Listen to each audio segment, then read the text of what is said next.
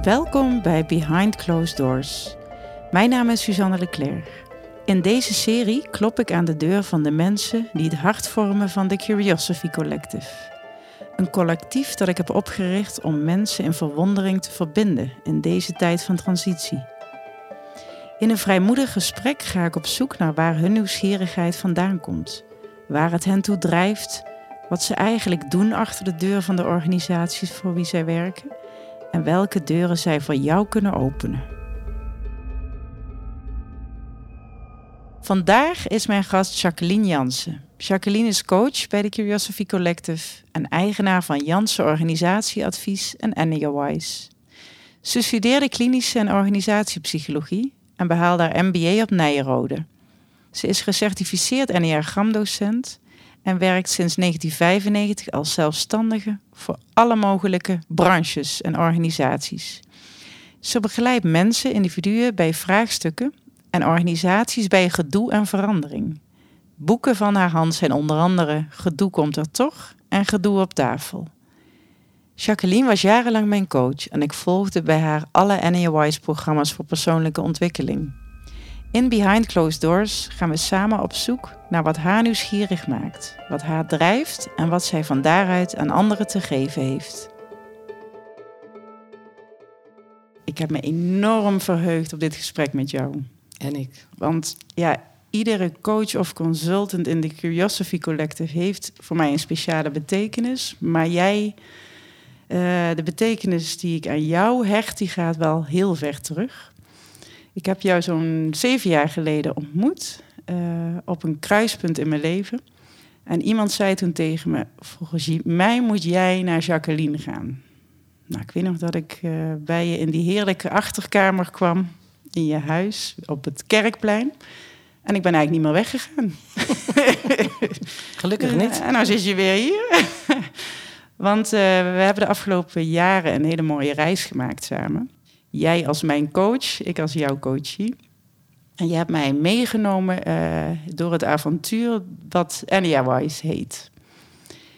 En um, ja, met Wise beloof je eigenlijk uh, mensen de ontdekking van hoe wij als mens in elkaar zitten met een diepgaand proces van ontwikkeling. Dat is wat je zegt op de website. Maar nou gaan we eens even onderzoeken hoe dat verhaal er nou in het echt uitziet. En dat begint natuurlijk met jou, Jacqueline. Dus laten we eens beginnen met Jacqueline Jansen. Vertel eens even, welke mensen en beesten omringen jou met liefde en aandacht in het dagelijks leven? Laten we beginnen met de beesten. Ja, doe eens. Um, de dames. De dames zijn mijn twee honden. Um, Luca en Mara. Luca is bijna 16 en omringt mij elke dag met haar vrolijkheid en haar aandacht, terwijl ze niet heel goed meer beweegt. En de uh, hartklep rommelt. En uh, nou ja, een oude dame dus. En daarnaast hebben we Mara, die uh, om mij heen stuitert. En de mensen verder om mij heen zijn natuurlijk mijn beide kinderen. En is zeker Anneke, met wie ik samen Anya heb, zeg maar, doe. En uh, daaromheen komt een enorme schare van vrienden, um, familie. Mooi.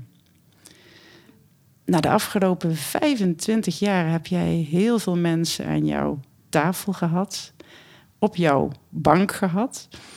Um, en uh, je hebt uh, mensen begeleid, organisaties begeleid, boeken geschreven, daar zei ik in de introductie al iets over. Um, maar met wat voor soort vragen komen mensen nou eigenlijk bij jou, Jacqueline? Nou, als we het uh, hebben over persoonlijke ontwikkeling, um, dan zijn het echt heel erg uiteenlopende vragen. En als ik er een paar noem die echt ook daadwerkelijk voorbij gekomen zijn, dan zijn het vragen als: ik zit in een burn-out. Uh, hoe ben ik erin gekomen, maar vooral natuurlijk, hoe kom ik eruit? Of ik werk te hard, maar ik kan niet stoppen. Of de samenwerking gaat niet goed met leidinggevenden of met collega's of met bepaalde type mensen. Of ik ben ontslagen. Hoe kan dat nou? Ik dacht dat het heel goed ging. Of het gaat niet goed aan de keukentafel, om het zo maar te zeggen. Het gaat niet goed thuis. Het gaat niet goed met mij. Nou ja, ik kan echt wel duizend verschillende vragen verzinnen. Van heel concreet tot ook abstracter. Ik voel me niet gelukkig, niet senang met mezelf, om het zo maar te zeggen. Maar ik weet niet, hoe het- ik weet niet waar het door komt. Mhm. Nou. Eigenlijk in die breedte. Dus dat zijn eh, toch, ja, waarom bellen we een coach? Waarom willen we naar iemand toe die ons begeleidt? Dat zijn toch over, over het algemeen problemen die een oplossing behoeven. Klopt dat? Nou, een deel daarvan zijn zeker dingen waar je je niet prettig bij voelt, waar je van af wil, of dingen die je wil bereiken zodat je je beter voelt. Maar er zijn ook mensen die eh, uit een soort verlangen komen. Ik, dan gebruik ik het woord verlangen echt bewust, omdat dat vaak wat meer uit je hart komt. Het verlangen om iets te ontdekken, te ontdekken wie we werkelijk zijn, ehm, daarmee ook je gelukkiger of heler te voelen. Dus het is niet altijd probleemgedreven, zal ik maar zeggen. Het kan ook gewoon een dieper verlangen zijn om te ontdekken wie je bent en jezelf te ontwikkelen. Oké, Het is ook een verlangen op zichzelf, zal ik maar zeggen. ja. Oké, helder. En als je nou kijkt naar nou, al die verschillende vragen van mensen, hè, met de ervaring die je hebt, zie je nou een ja, universeel verlangen of gewoon een verlangen eh, onder al die vragen heen komen? Zijn mensen vergelijkbaar op een bepaalde manier in een verlangen? Nou, ik denk eigenlijk dat als je luistert, waarom zou je eh, minder driftig willen zijn of beter willen samenwerken, dan voel je je beter. Kennelijk. Dus je zou kunnen zeggen, de rode draad daaronder is iets van je beter voelen, gelukkiger, heler. Iedereen heeft daar een ander woord voor. Kennelijk is er dan een veronderstelling dat als ik dat en dat bereik of oplos of nou zoiets, dat het dan beter zal zijn. Dus dat zal zeker de rode draad zijn. Oké, dus dus men zoekt toch naar een vorm van beter voelen, beter Ja. worden. beter, gelukkiger, succesvoller, hoe je het ook wil, hoe je het ook wil noemen. En wat gebeurt er dan? Neem eens ons mee. En neem ons eens mee in, in, in zo'n ervaring. Hè. Mensen komen bij jou. Nou, laten we jouw mooie kamer eens even omschrijven. Er staat een hele mooie grote boekenkast. Ehm, nou, een fijne tafel, eh, goede koffie, eh, foto's, ehm, een mooie bruine tegelvloer. Ehm, en er komt iemand bij jou binnen in die ruimte en dat is iemand nieuw met zo'n vraag en die, ehm, die hoopt iets. Eh, die hoopt namelijk om beter te worden of om eh, zich beter te gaan voelen na het gesprek met jou. Wat doen mensen? Waar neigen mensen eigenlijk naar op het moment dat ze met jou het probleem delen wat ze hebben? Wat zijn dan eigenlijk gedragingen van mensen die jij veel terug ziet komen in het begin? Hoe werkt dat dan bij mensen als ze een probleem hebben? Nou, ik denk, we kunnen filosoferen over de herkomst of zo daarvan. Dat is misschien niet zo nuttig, maar ik hoor wel erg veel mensen zeggen: je moet hard werken, je moet het verdienen, je moet het veroveren. Dat soort dingen. Je moet er echt, als jij echt gelukkiger wil worden of beter, of hoe je het ook wil noemen, dan moet je wel veel aan doen. Dat is een veronderstelling. Die denk ik erg veel mensen geloven en mijzelf lange tijd inclu- incluis, hè? zeker. En eigenlijk, naarmate ik er meer over te weten kom, denk ik, hij is niet waar. En sterker nog, hij werkt averechts. Dat harde werken, uiteindelijk is het niet een kwestie van hard werken, maar een kwestie van loslaten en overgave. Nou, dat is natuurlijk veel te kort door de bocht om eh, zo het interview te beginnen van huh. Daar komt een heel stuk aan vooraf. Eh, dat kan wel even een karweitje zijn. Dat is doorgronden van hoe zit het nou bij mij? Welke patronen zitten daarin? En wat is de diepste motor van dat patroon? En dat is uiteraard verschillend ehm, voor iedereen. Maar inzicht krijgen in hoe het bij jou werkt, is wel de eerste stap. En die is voor sommige mensen echt heel lastig. En daar kan je ook een hele tijd mee bezig zijn. Dat is ook niet spannend of het snel of het niet snel gaat. Snap wel dat je het graag snel wil hebben, maar uitzoeken hoe werken mijn patronen en welke dieper gevoel over de wereld of overtuiging over de wereld, en dan zeg ik dat maar even in een grote armzwaai, hè, dus het leven, de wereld, zit daar nou, motort de, al die patronen? Dat is eigenlijk wat je het eerste moet uitzoeken. Ja, ja. Wat doe je dan? Hoe help je mensen eigenlijk om die wikkel ervan af te halen van, van wie ze zijn? Noem eens een voorbeeld. Bijvoorbeeld, ehm, noem eens een voorbeeld van iemand in, uit jouw praktijk die, die ehm, eh, inzicht kreeg in een bepaald patroon. Kun je daar een voorbeeld van geven? Bijvoorbeeld iemand die erg perfectionistisch is. En die daardoor erg veel stress ervaart. Omdat er altijd iets te doen is en het moet ook nog echt heel goed. Ervaart hij in dit geval, maar er zijn even zoveel zijen. Um, veel spanning, kan slecht tot rust komen en is eigenlijk nooit tevreden. En gaandeweg raakt hij zo in een burn-out. Heeft ook veel te veel werk, trekt ook van alles naar zich toe. Wat nu? Wat ga je dan ontdekken? Wat je gaat ontdekken is natuurlijk hoe werken die patronen. Want ik kan wel tegen hem zeggen: Nou, doe toch even lekker niks vandaag. Gaat niet lukken. Ga je toch voor een 6 in plaats van voor een 12? Gaat niet lukken. Waarom niet? Omdat er op een dieper niveau bij hem een overtuiging zit die dat simpele advies, dat is natuurlijk een simpel verbeteradviesje wat eigenlijk verder niks doet behalve hè, de symptomen wat naar beneden haalt, dat gaat niet landen. Want er is iets wat veel sterker is dan dat. En in dit geval is dat een diepe overtuiging dat je alleen maar recht hebt om te bestaan, om het inderdaad zo groot te zeggen, als je altijd het juiste doet en het foute vermijdt. Nou, die diepere overtuiging ligt zeg maar op de bodem van je systeem. Word je daarmee geboren met zo'n overtuiging? Nou, daar wordt natuurlijk uh, ongetwijfeld heel veel over nagedacht. Voor zover ik het begrijp, dus mijn begrijpen, is dat je met een bepaalde gevoeligheid geboren wordt. Een gevoeligheid die tot een systeem kan leiden. En dat is een, je bent voor een bepaald aspect van het leven, zeg maar, gevoelig.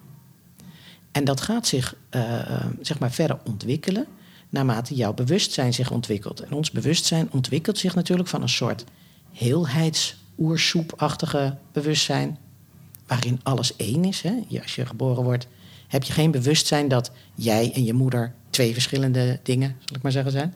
Dat weet je niet. Dat ontwikkelt zich gaandeweg. En in die ontwikkeling, is natuurlijk per definitie spannend. Want opeens ben jij er en er zijn andere mensen, dingen. Opeens is die omgeving, die dus kennelijk niet meer jij is, is voelt prettig. En dan is er niks aan de hand.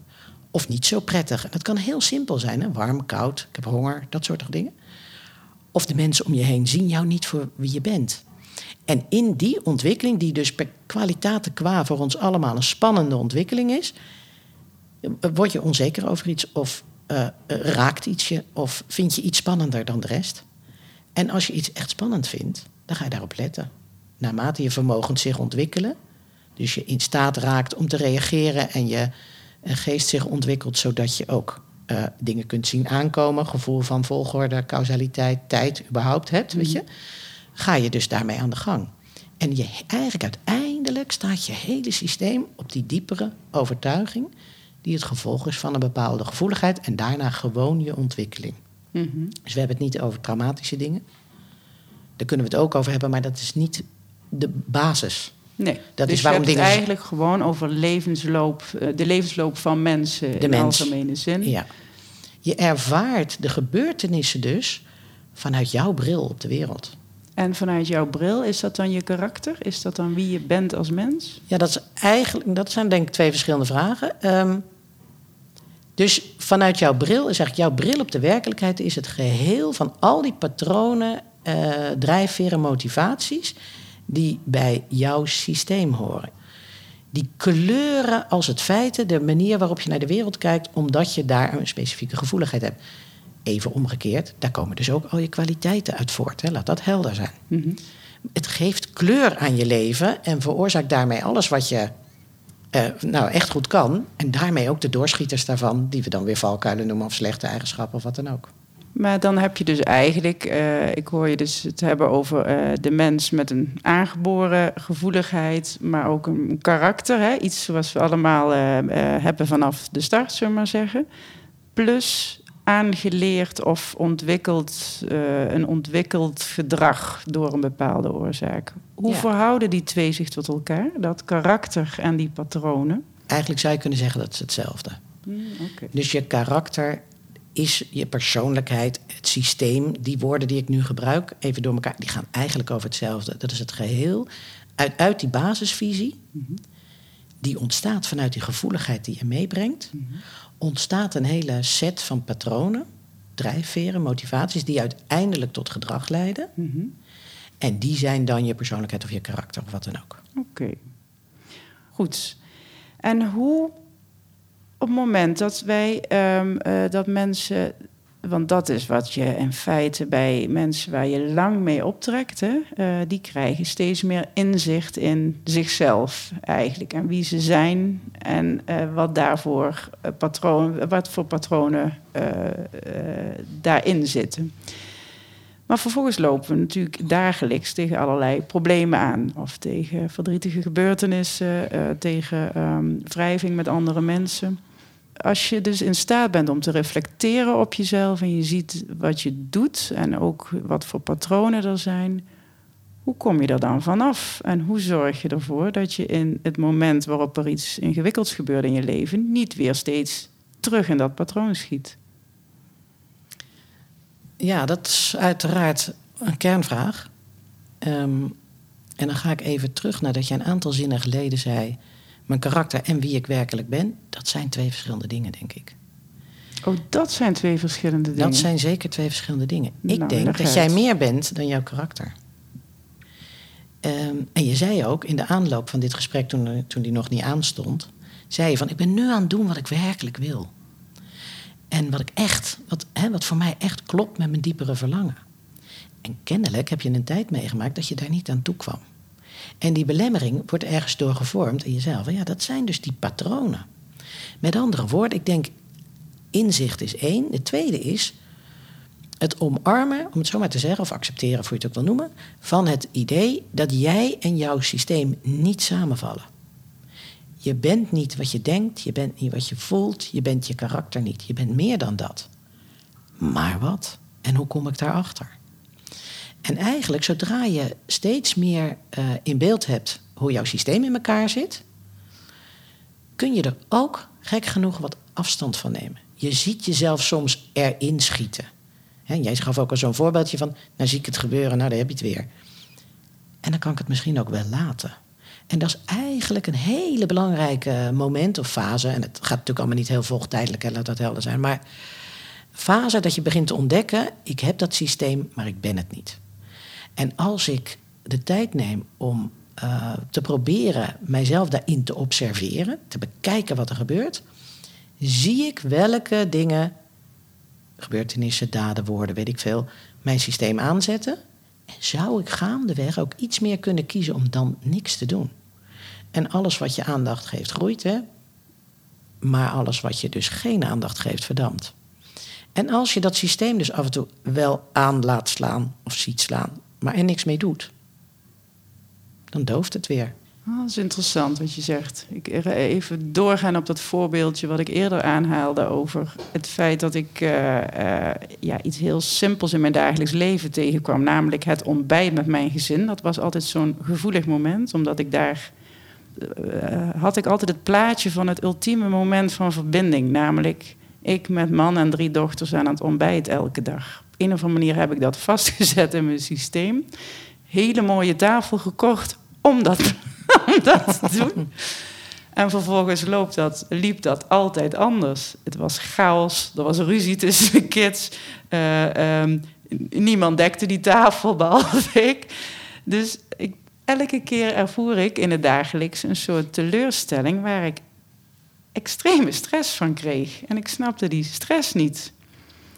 Totdat ik inzag dat het echt over een diep verlangen ging. Dat het niet zozeer over die. Dus niemand snapte mijn stress thuis ook, want ik zat heel veel in die ontbijttafel te leggen, namelijk mijn ultieme verlangen naar verbinding met mijn gezinsleden in dat moment. En toen hebben we een keer een oefening gedaan uh, bij Anyawise. Ik kan me nog heel goed herinneren. Die was hilarisch eigenlijk. Zeker. En toen hebben we het ontbijt uh, bij familie Leclerc nagedaan. Yvette was uh, mijn man. Ik was je jongste dochter. Jij was mijn jongste dochter. En zo gingen we dat systeem eens even creëren. Daar heb ik ontdekt hoeveel gevoeligheid er eigenlijk onder zat voor mij. Dat het bijna een zaak van leven en dood was. Zo, zo hevig, zoveel heftig zat daaronder. Toen ik dat eenmaal zag, begon ik het te kunnen loszien van elkaar. Begon ik te zien dat dat moment van dat ontbijt, dat ik dat los kon koppelen van mijn diepere verlangen eronder. En op een gegeven moment heb ik het zelfs uh, gedurfd, dat was een tijdje later, op, op jouw suggestie, dat ik ook gewoon het helemaal niet kon doen. En dus kon zeggen, jongens, hey, zoek het lekker even uit met dat ontbijt. Met broodjes, ja. Jij en de bar, doe maar lekker waar je zin in hebt. nou, dat vond ik natuurlijk nog ontzettend armoeig in het begin. Maar ik heb, ben het gaan proberen. En het leuke is dat er in dat loslaten van alles gebeurde. Ik dacht, oké, er verandert dus eigenlijk niks. Maar mensen uit eigen beweging, mijn kinderen uit eigen beweging... bij mij aan de bar kwamen zitten, waar ik dan in mijn eentje zat. En ineens ontstond er verbinding ja. vanuit ieder op zijn eigen manier... zonder dat ik dat geregisseerd had. Dat vond ik nou zo'n uh, voorbeeld waarin dat grote, diepe thematiek van systemen, patronen enzovoort. Gewoon uh, waarin ik ermee leerde spelen. En ik, uh, het heeft dus mijn dagelijks leven sindsdien vele malen makkelijker gemaakt.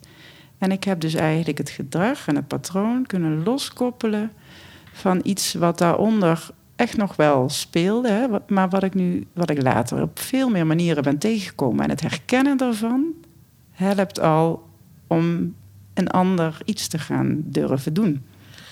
Um, er zit iets heel essentieels in. In precies zoals je het zegt, en dat geldt heel veel breder dus dan alleen voor jou. Je had een plaatje gemaakt hoe verbinding er, s ochtends in jouw geval, aan de keukentafel uitziet. Dat is iets buiten je. En dat ga je dan proberen te bewerkstelligen. En ik denk, zelfs als het best goed was gegaan aan het ontbijt, zal ik maar zeggen, dan nog had je dat gevoel van verbinding wat je van binnen zoekt, niet gevoeld. Omdat het in jou moet gebeuren en niet buiten jou. En ik denk eerlijk gezegd dat heel veel van de mensen die op pad gaan, en ik reken mezelf daar natuurlijk ook toe, laat het helder zijn, um, een soort plaatje hebben gemaakt, een soort concrete manifestatie, om het netjes te zeggen, van hoe het eruit ziet als het goed is. En dat werkt niet. Omdat verbinding in dit geval, en dat is wat het voorbeeld, het tweede stuk wat het voorbeeld zo mooi aangeeft, zodra je het loslaat dat het buiten je moet gebeuren, ontstaat het wel. Dus je zit eigenlijk met je idee over hoe het concreet eruit moet zien, in real life aan de keukentafel, zit je de echte verbinding in de weg. En ik denk dat dit veel breder geldt. Het idee dat er iets om ons heen moet gebeuren, al dan niet door ons eigen toedoen. Of het, zelfs ook het idee dat er aan jou iets moet veranderen, verbeterd worden, opgelost, gemaakt. Dat zit eigenlijk in de weg. Dat, precies datgene wat je zoekt. Dus een, wij noemen dat altijd, uh, Anneke en ik noemen dat de bijt in je staart. Je krijgt eigenlijk niet wat je zoekt, omdat je het op de verkeerde plek zoekt. Aha. Namelijk in jouw geval in het plaatje van de keukentafel. En het werkt niet. En zodra je dat loslaat, denk je, nou ontstaat het wel. Hoe kan dat nou? Nou, zo. Maar ja, wat moeten we dan? Moeten we dan maar um, alles waar we onze liefde en aandacht in stoppen? Bijvoorbeeld, eh, laat ik het dan uh, even heel praktisch maken. Uh, ik heb mijn werk van verbinding gemaakt de Curiosity Collective, wat dat, wat dat is, is verbinding van mensen. Uh, ik verbind mensen. -huh. uh, en om eerlijk te zijn, gaat dat hartstikke goed. Want mensen zijn. Uh, ik creëer een setting, een mooie ontmoeting, een omgeving, een dialoogsessie. En mensen ontmoeten elkaar. En daar word ik zielsgelukkig van. Hoef ik trouwens niet zoveel voor te doen, behalve een context te creëren. Inmiddels. Vroeger moest ik daar meer voor doen. Dacht ik dat ik daar meer voor moest doen. Dan komt hij toch weer, hè? Die bijt in de staart. Um, alleen, ik denk dat het ook een talent is voor mij. Dat stukje verbinding willen. En kunnen maken. En, kunnen en die contexten kunnen maken. Dus dat plaatjes maken, wat je, dat doe je eigenlijk nu. Dat is ook prachtig. Dat hoeft helemaal niet weg, vind ik sowieso. Er hoeft niks weg om je te ontwikkelen. Er mag iets bij. Het is niet een kwestie van iets kwijtraken. Nee, dus het plaatjes maken is prima. Mhm. Maar waar het, zal ik maar zeggen, misgaat... ik ga nu aanhalingstekens in de lucht maken... Ehm, waar het misgaat is als je daar jouw diepere verbinding... met het grote geheel aan koppelt. Dat is het verschil. Dus jij kunt fantastisch verbinding creëren... en fantastisch blaadjes maken en neerzetten... en ook heel mooi, nou ik zeg productief maken... En dat is, daar is niks aan afdoen het gaat mis, zal ik maar zeggen, als jij daar jouw eigen diepere verbinding met jouzelf aan koppelt en aan ophangt. En dan wordt die keukentafel opeens van leven en dood. Waar andere types zullen denken: joh, kan jou het schelen? Maar jij niet, want voor jou zit er een enorme lading aan. En die zitten voor ons allemaal op onze kernthema's zit een enorme lading. Waar mensen die die kernthema's niet hebben, van denken: doe niet zo moeilijk, joh, doe het gewoon niet. Ja. Nee, zo werkt het niet. Ja. Er zit een hele diepe lading aan, waardoor de keukentafel van wereldbelang wordt. Nu, hele fase verder, zie ik jou veel meer ehm, echt in die balans zitten, in de verbinding. En dan heb je dus al die talenten om verbinding te maken, heb je dus nog steeds. Alleen jouw leven hangt er niet meer vanaf. En dan kan je er gewoon lekker intens gelukkig van worden. Dat is iets heel anders. Ja, ja, dat is dus het verschil. Dus eh, dat patronen eigenlijk dingen los durven laten, zoals aan het voorbeeld met die keukentafel, om eens te kijken wat er dan gebeurt en te ervaren dat ik gewoon blijf staan. Sterker nog, dat de verbinding naar me toe komt. Dat kan dus eigenlijk alleen gebeuren als je een, eigenlijk iets durft te veranderen. Om te proberen, om te gaan spelen met die patronen. Hè? Of spelen, zo voelt het niet. Maar, nou, maar spelen betekent wel dat je is wat uitprobeert.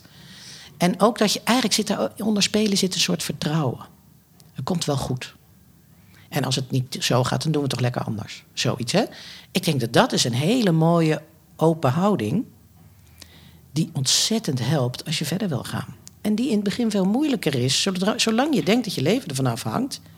en ik denk niet eens... ja, in zekere zin overdrijf ik, maar in zekere zin ook niet... dan is het heel erg moeilijk spelen. Hoezo spelen met de keukentafel als het er voor mij zo'n gevoel aan vastzit? Ja. En heb jij zelf, uh, Jacqueline, ehm, kun jij een patroon noemen dat jij had? Of een, een, een, handeling of iets waar jouw uh, speciale aandacht naar uitgaat en wat jij hebt leren loslaten, waardoor de zwaarte eraf is gegaan? Zou jij iets uit je eigen nou, leven willen vertellen? Die zou in mijn patroon zou die over controle gaan. En over kwetsbaarheid. En kwetsbaarheid is dan niet zozeer pijn gedaan worden of zo. Maar kwetsbaarheid is denk ik voor mensen met mijn type, in ieder geval voor mij, iets van er geen controle over hebben, geen onmachtig zijn, niet in staat om. Mhm. En dat, die zit in het diepere van mijn systeem.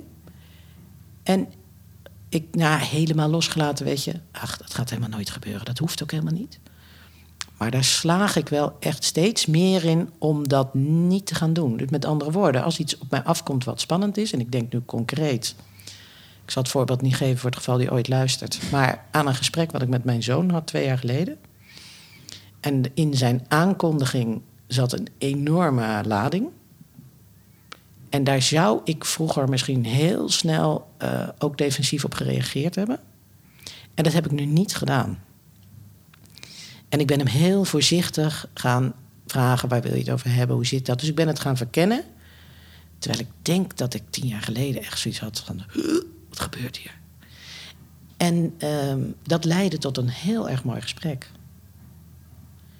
Dus dat niet de controle proberen te pakken. Wat je zou kunnen doen door defensief te raken, door nou, desnoods ook kwaad te worden. Uh, dat heb ik niet gedaan. En had je dat vroeger gedaan omdat je bang zou zijn geweest waar hij mee zou komen en dat is niet in, onder controle? Ja, dat hij bijvoorbeeld mij een enorm verwijt zou maken of zo. Dat zou ik heel bang voor geweest zijn. En dan had je handelen eigenlijk, had dat open gesprek in de weg gestaan. Zeker weten, ja, zeker weten. Want dan had ik dat op de een of andere manier, ik, zie het even niet voor me meer, maar had ik uh, uh, dat ingekaderd. Of ik had er alvast wat van gezegd. Ja. Zodat hij eigenlijk niet meer echt wat kan zeggen of zo. Weet je, zoiets. Ja. Dus eigenlijk zeg je daarmee ook dat, dat nou, wat je spelen noemt en eigenlijk die onderzoekende houding, hè, dat is iets waar we, uh, ja, wat ons ook verbindt in de Curiosity Collective, dat we um, mensen samenbrengen die dat eigenlijk eh, opzoeken en steeds ja, ook leren hoe doe je dat dan, open en onderzoekend blijven. Dat vraagt dus ook dat je over dat soort patronen of dat soort neigingen ehm, ja, leert of ze te omarmen en aanvaarden. En dan kun je het ook benoemen. Hè. Dat maakt het al lichter, denk ik. Maar ook dat je er overheen kan stappen. Of af en toe gewoon eens even iets heel anders durft te doen. Namelijk niks bijvoorbeeld. Zoals in, jouw niks. Voorbeeld. in mijn geval is niks vrijwel altijd goed. niks is altijd goed. Ja, niet, iets niet doen is... Ja. Ja, maar dat vind ik dus interessant. Want mij kost... Uh, ik vind er een verschil tussen iets, uh, of niets doen en niet doen. Want ik heb heel lang ervaren, afgelopen jaren inmiddels steeds minder, maar nog af en toe, dat het heel hard werken is om vervolgens even tegen dat patroon in niets te doen. Hoe zit dat met dat, dat hard werken? Bedoel ik dat het me moeite kost? Want die neiging is soms zo groot om iets te doen. Wat je, ja, dat begrijp ik. En als je het ziet, zie je. Dus dan denk je, nee, laat ik nu eens iets anders doen. Maar in het begin is dat ja, hard werken in, je, in jezelf. Ja, dat begrijp, dat begrijp ik heel goed. Omdat je nou zeker, zeker in de beginfase. Ehm, ja, als er iets is wat zo belangrijk voor je is, dat betekent ook dat je. Ja, daarin, daar zit natuurlijk een zekere spanning in. Dan is het niet echt een optie om gewoon te zeggen: Nou, doe dat toch lekker niet. Dat is heel moeilijk. Terwijl, ja, als je daar meteen in zou slagen om te gaan zitten spelen, dan uh, ja, zou dat fijn zijn. Maar zo werkt het niet. Dus de enorme lading die bepaalde thema's voor ons hebben, wat we ons soms niet eens zo bewust zijn in het begin, die belemmeren natuurlijk om open en onderzoekend te zijn. En de angst die daaraan vastzit. Het is toch iets, als je zegt het is uiteindelijk een diepere gevoeligheid voor iets wat we spannend vinden, moeilijk vinden, dan proberen we dat natuurlijk te vermijden. heel veel mensen zeggen dan tegen mij, nou dat is allemaal wel heel negatief. Ja, ja het is, weet je, de leuke dingen proberen we nou helemaal niet te vermijden. Ja, ja ik eh, weet het niet. Zeg, kom maar binnen, ga maar zitten en uh, lekker veel ervan. Maar het zijn die dingen die we spannend vinden. Waar we hè, ook tegenaan lopen. Ja, en ik realiseer me nu je dit zegt... dat het niets doen is een spannend ding. Daarom... Ehm, en ik realiseer me, wij trekken al vijf jaar op met een groep uh, prachtig mooie mensen. Um, Mm, waarin we eigenlijk uh, steeds met Anneke en jou uh, een fase verder zijn gegaan. En um, nu zaten wij, eh, dus iedere zomer post ik daar ook even iets over. en nou waren wij deze zomer um, weer op die mooie plek hier in de buurt. Um, en daar heb ik ervaren opnieuw, maar dan op een andere laag, hoe spannend het voor mij is als ik niets doe en mensen naar mij kijken in het niets doen. Um, en jij uh, hebt mij eigenlijk geholpen op een uh, hele rustige, stille manier om, zoals je dat noemt, door het oog van de storm te komen. Leg eens uit aan de luisteraar, wat is nou eigenlijk dat oog van de storm? Lekker makkelijke vraag. Um, als ik het even terugpak bij het begin, ga je inzicht verwerven in hoe je in elkaar zit. Door ook, natuurlijk door uh, al dit soort gesprekken te voeren, uiteraard. En ook door te kijken, door jezelf te observeren. En op een gegeven moment ga je ervaringen ontdekken van dat je systeem even niet aanstaat. Je ziet jezelf aanslaan bijvoorbeeld. Maar wie is dan je? Dus je krijgt een soort ervaring van er is veel meer Suzanne dan alleen maar dat type. Of veel meer Jacqueline of veel meer wie dan ook. Er is een stuk in je bewustzijn wat eigenlijk niet zoveel te maken heeft met je persoonlijkheid. Dat is echt Suzanne of Jacqueline of wie dan ook. En dat systeem, dat heb je, maar dat ben je niet. Nou, die ervaring, als je daarin zit, en iedereen heeft zo'n ervaring. Sommige mensen denken echt van niet. Ook bij ons in het programma hoor je dan echt zeggen: nou, Ik heb het niet. Je hebt het wel geloof me, je hebt het wel. Maar dat wil niet zeggen dat je heel erg bewust bent. Want het zijn ook niet altijd momenten waar je echt op let. Um, als je dat bewuster begint te worden, ga je ook ontdekken dat als je in zo'n gevoel, noem het bewustzijn, noem het ontvankelijkheid, weet ik, iedereen heeft daar zijn eigen woorden voor zit, dan ziet die situatie waar je er net nog zo ontzettend tegenop zag, ziet er anders uit. En hoe kan dat nou? Want die situatie is die situatie. Dat klopt. Maar jij zit niet meer, om het zo maar even te zeggen, op dezelfde plek. Want je zit dan even niet in je systeem, waarin die situatie echt dringend opgelost moet worden. Maar je zit even in een groter, noem het maar een groter bewustzijn of zo. Dat heb je nodig om verder te komen. Want nu, je zou dus kunnen zeggen, dat grotere bewustzijn wordt eigenlijk aan het oog ontrokken, zal ik maar zeggen, door dat persoonlijkheidssysteem, wat bezig is om jou te beschermen en zo weet ik veel. In actie komt op allerlei momenten. Dus het zit ervoor. Het is de, eigenlijk is het de grote belemmering. Als die belemmering wat weggaat, en daarmee wil ik absoluut even de disclaimer, niet zeggen dat je persoonlijkheid weg moet, absoluut niet. Zou jij die mooie talenten die je hebt ook niet meer hebben? Het lukt ook helemaal niet. Het moet ook helemaal niet, daar gaat het niet om. Er mag iets bij, en wat erbij mag, zijn de kwaliteiten die je ook hebt, maar die eigenlijk, doordat jouw systeem zo snel in actie schiet, uh, aan het zicht ontrokken worden. Onder de mat, zeggen wij dan. Ontwikkelen betekent eigenlijk de wikkel eraf halen en dan, nou ik neem even jou als voorbeeld, heel Suzanne ontdekken en niet alleen het systeem. Ja, en als ik dan aan het systeem denk, in mijn geval zijn dat de angsten ook die ik heb gevoeld in momenten die je me voorgeschoten, waar je me in hebt gebracht. Met dank, Jacqueline. Geen dank. en dan de ervaring dat in zo'n ontzettend spannend moment uh, dat je zelf heel blijft, dat je ook verbonden uh, raakt, eigenlijk zelfs, omdat iedereen er is om voor je te zijn. En dat als je daar doorheen komt, ervaar je dat er dus helemaal niks gebeurt in wezen. Namelijk dat je gewoon dat kunt dragen of door die spanning heen kan en dat er niks veranderd is in de wereld. Behalve dat je angst is afgenomen. Was ik daar nou al die tijd bang voor? Ja, achteraf lijkt het allemaal een heel klein stukje. Maar is, het, uh, is persoonlijke ontwikkeling maar een centimeter of dertig, zeg dan, hè? Keer naar je buik. Maar dat is natuurlijk een heel karwei. En een heel balans, een, echt, is echt een balanceerklus tussen je overtuigingen, de dingen waar je bang voor bent, het ontluikende vertrouwen, de ervaringen die je opdoet. Uiteindelijk is natuurlijk die diepere overtuiging over de wereld is een spook. Maar ja. Kom daar maar eens achter. Maar je hebt wat je zegt. Er komt een moment, dan denk je, ik ga het proberen. En dan blijkt het niet te gebeuren. Er komt een moment dat je denkt, ik ga het niet organiseren. En dan gebeurt het wel. Je diepere angst komt niet uit. Sterker nog, je diepere verlangen komt uit.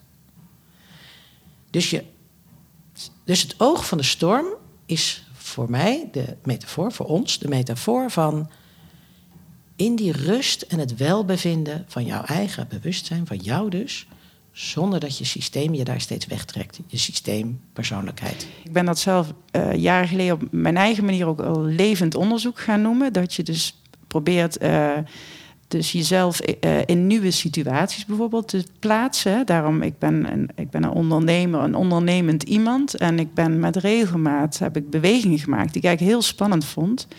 Maar ik heb ook al vrij jong geleerd dat dat mij helpt, spannende situaties opzoeken om iets te ervaren van wat er dan blijft staan. En dat het, eh, ik heb eigenlijk heel jong vertrouwen opgebouwd dat, dat, dat dingen steeds kunnen lukken. Mijn vaders definitie van geluk is dat dingen je lukken. Nou heb ik daar tot op de dag van vandaag um, hele filosofische gesprekken met hem over. Maar ik moet hem toch steeds meer gelijk gaan geven. Ik deel dat wel met hem, ja. Ja, dus als je ervaart, net zoals die ademhalingsoefening bij jou op de stoel... waar ik dus niet die 30 centimeter omlaag durf te maken... ja, best luisteraar, het gaat hier over buikademhaling. ja, daar moeten we wel even bij, ja. Daar moeten we wel even bij. um, omdat ik uh, ook opnieuw een hele diepe angst tegenkwam dat als ik alleen maar daar zou zitten zonder iets te zeggen of te doen, dat, ik de, dat het niet genoeg zou zijn. Mhm. Dat ik dat dan wel doe. Het lukt me dus om erheen te durven gaan. Eigenlijk, ik doe het, want ik vertrouw jou en mezelf nog niet zo, maar de mensen om me heen genoeg om dat te doen.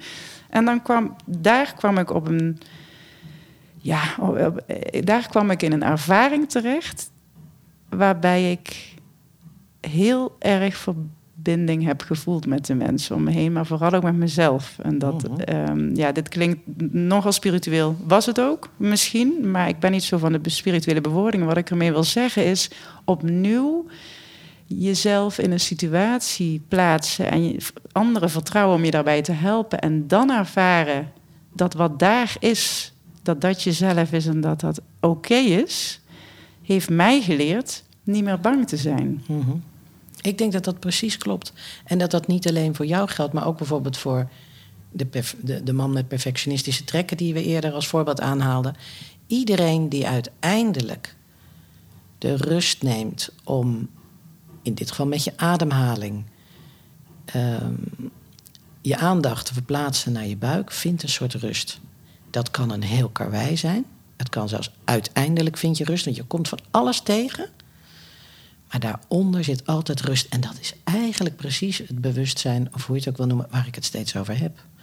En ik vind zelf het meest overtuigende dan, is dat als je daar met je aandacht zit en het voelt rustig en het voelt goed. En je kijkt dan naar allerlei situaties waar je net nog ongelooflijk over opgewonden hebt. Die zijn niet oplosbaar. Dat ze er wezenlijk anders uitzien voor jou.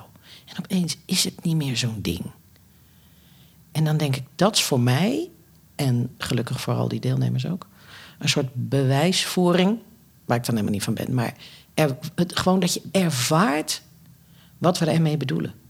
En dan is er niks spiritueels aan, of alles, maakt niet uit.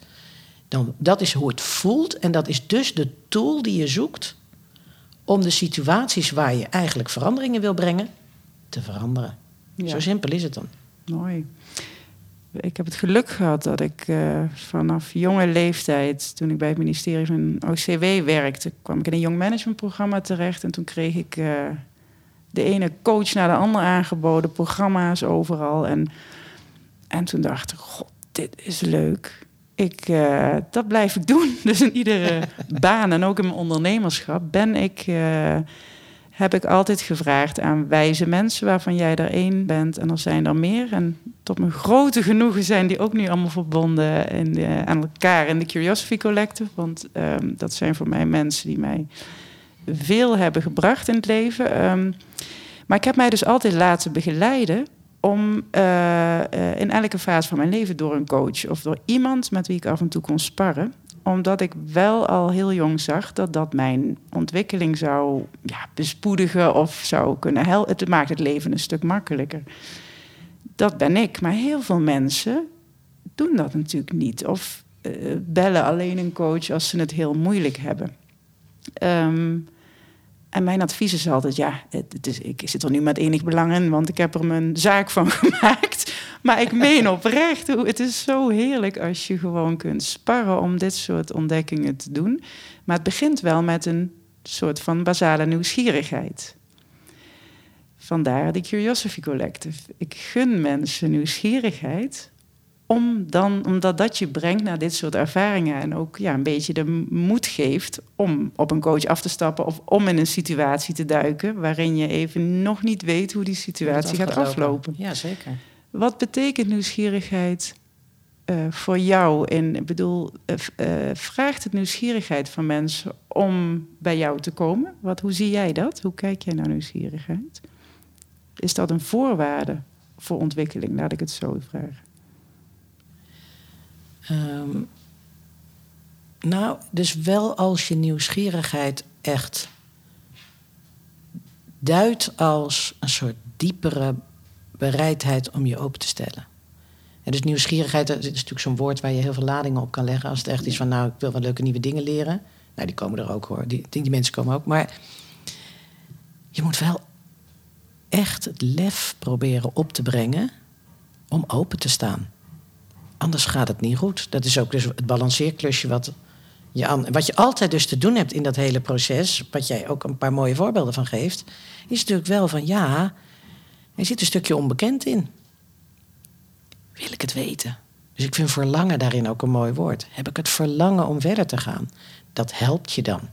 Om je open te stellen tegen die belemmeringen in, die door angst of patronen of oordelen, weet ik veel wat, gevormd worden. Dus, dus je hebt wel een soort ja, positieve motor nodig, om het zo maar te zeggen. Ja. Nieuwsgierigheid, openheid. Ja. Ja, en de ervaring leert mij dan dat in de ervaring van door dat spannende heen gaan, groeit dus je vertrouwen ja, als mens. Jezelf vertrouwen, maar ook de vertrouwen en de verbinding met mensen om je heen. En vooral eerst met jezelf, want dat heb ik uh, ja, uh, veel, uh, veel van ervaren. Nou heb ik een vraag. dit gaat over hè, de, zeg maar, de persoonlijke ontwikkeling. Je schreef uh, geweldige boeken. Uh, gedoe komt er toch. Gedoe op tafel. Ik uh, raadpleeg ze met regelmaat. Samen met um, Joop Sweringa heb je deze boeken geschreven. Maar het, um, wat is het verschil? wat is het verschil tussen begeleiden van iemand individueel en een groep met hoe jij kijkt naar ontwikkeling? Nou, met hoe ik kijk naar ontwikkeling, denk ik eigenlijk dat het niet zo verschilt. Als ik echt uh, een groep aan het begeleiden ben die wil praten over samenwerking of over gedoe of wat dan ook, dan let ik niet alleen op de individuen, maar ook op de interacties tussen de individuen. En dat is wel, dat is wel een verschil. Dat doen we natuurlijk in NIAWIS ook, maar dan doen we het steeds ten dienste van het individu. Ja. Ga je een groep in een organisatie beleiden, dan doe je, begeleiden, dan doe je dat natuurlijk ook in dienst van de organisatie of de groep, of hoe je het ook wil noemen. Dus dan verleg ik mijn accent, maar ik hou altijd wel in mijn achterhoofd van wie zijn dit? Hoe zitten ze in elkaar? Hoe tikken ze? Om het zo maar te zeggen.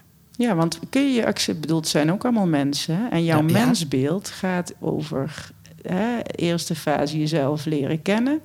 Tweede fase uh, ervaren uh, uh, in dat oog van de storm komen. Dus in de spannende ervaring komen, zeg maar. En het derde gaat over vervolgens voelen en verbinding maken met wie je bent. Werkt dat ook tussen mensen zo? Kunnen mensen elkaar daarin helpen? Of is, is groepsdynamiek een heel andere tak van sport? Nou ja, en en. Groepsdynamiek is een andere tak van sport. Dan gebeuren er dingen tussen mensen die ook wel gedeeltelijk te maken met hoe ze in elkaar zitten, maar die ook echt met die combinatie van mensen te maken heeft. Tegelijkertijd hou ik daar altijd een pleidooi, om het zo maar te zeggen, voor dat je snapt wie je bent. En zeker de organisatieontwikkelingen van dit moment, die naar een bepaald type organisaties toe groeien.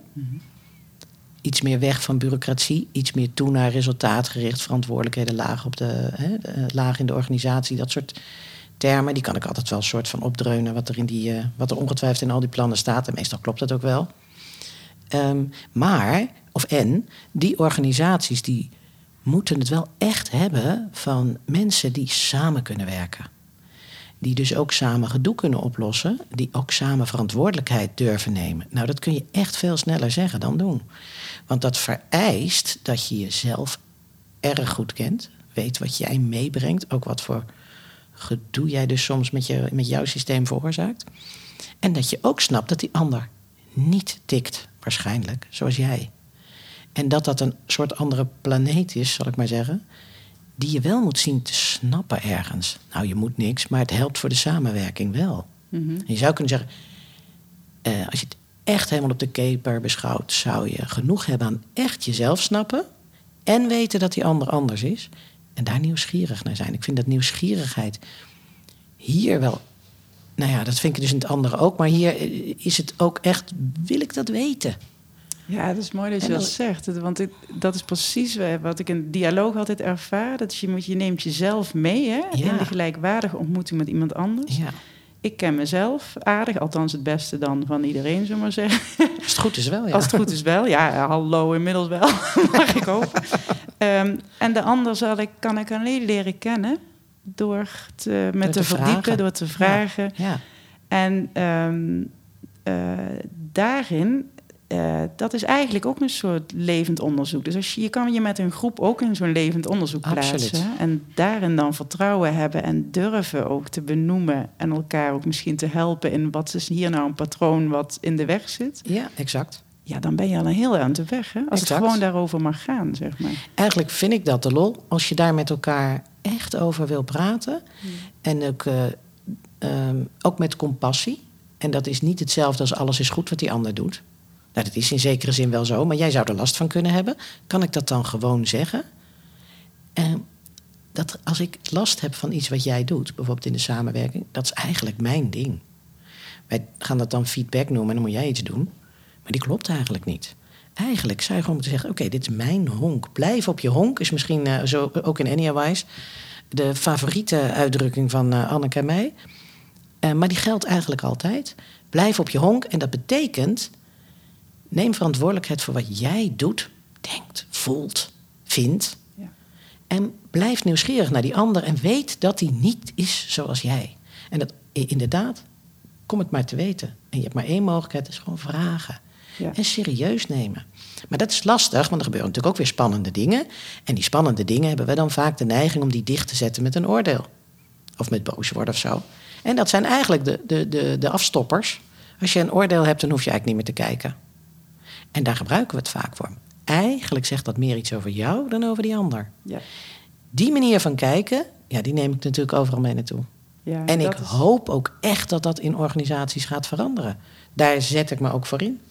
Nou, dat doe je zeker. En eh, dat doen wij hè, samen ook. Dat vind ik ontzettend mooi, want we hebben ehm, in... eh, iemand zei laatst, je hebt zo'n ontzettend positief mensbeeld. En eigenlijk is dat gewoon het gevolg van wat jij nu omschrijft. Ehm, ik ben ook echt... Ik ben gewoon zelden of nooit meer boos op mensen. Of op, en dat komt omdat ik ehm, die verantwoordelijkheid... eh, heb ik altijd wel jong bij mezelf gelegd. Maar dat is heel lang hard werken geweest. Hè, want Mhm. dat kan ook... Maar inmiddels, eh, als er iets is waarbij er verschillen tussen de ander en mijzelf... ehm, blijf ik gewoon, blijf ik eigenlijk onder. Ik wil het weten, ik wil snappen wat er bij die ander Ja. gebeurt, maar ik betrek het dus niet meer op mijzelf, want ik heb mijn eigen keuze wat ik daarmee doe. Ik heb mijn eigen verantwoordelijkheid hoe ik daarnaar kijk. En het, eh, het niet oordelen of uitstellen van een oordeel over wat ik vind van wat die ander zegt of doet.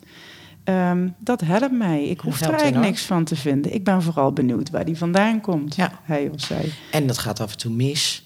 En dat je begrijpt elkaar af en toe niet. En dan zeg ik altijd, ja, ach ja, we klunzen allemaal. Ja, En- Maar dan bedoel ik klunzen liefdevol, zal ik maar zeggen. ja, Dus als we dat nou gewoon aannemen, dan gaat van alles mis in dat samenwerken. Dat is zo.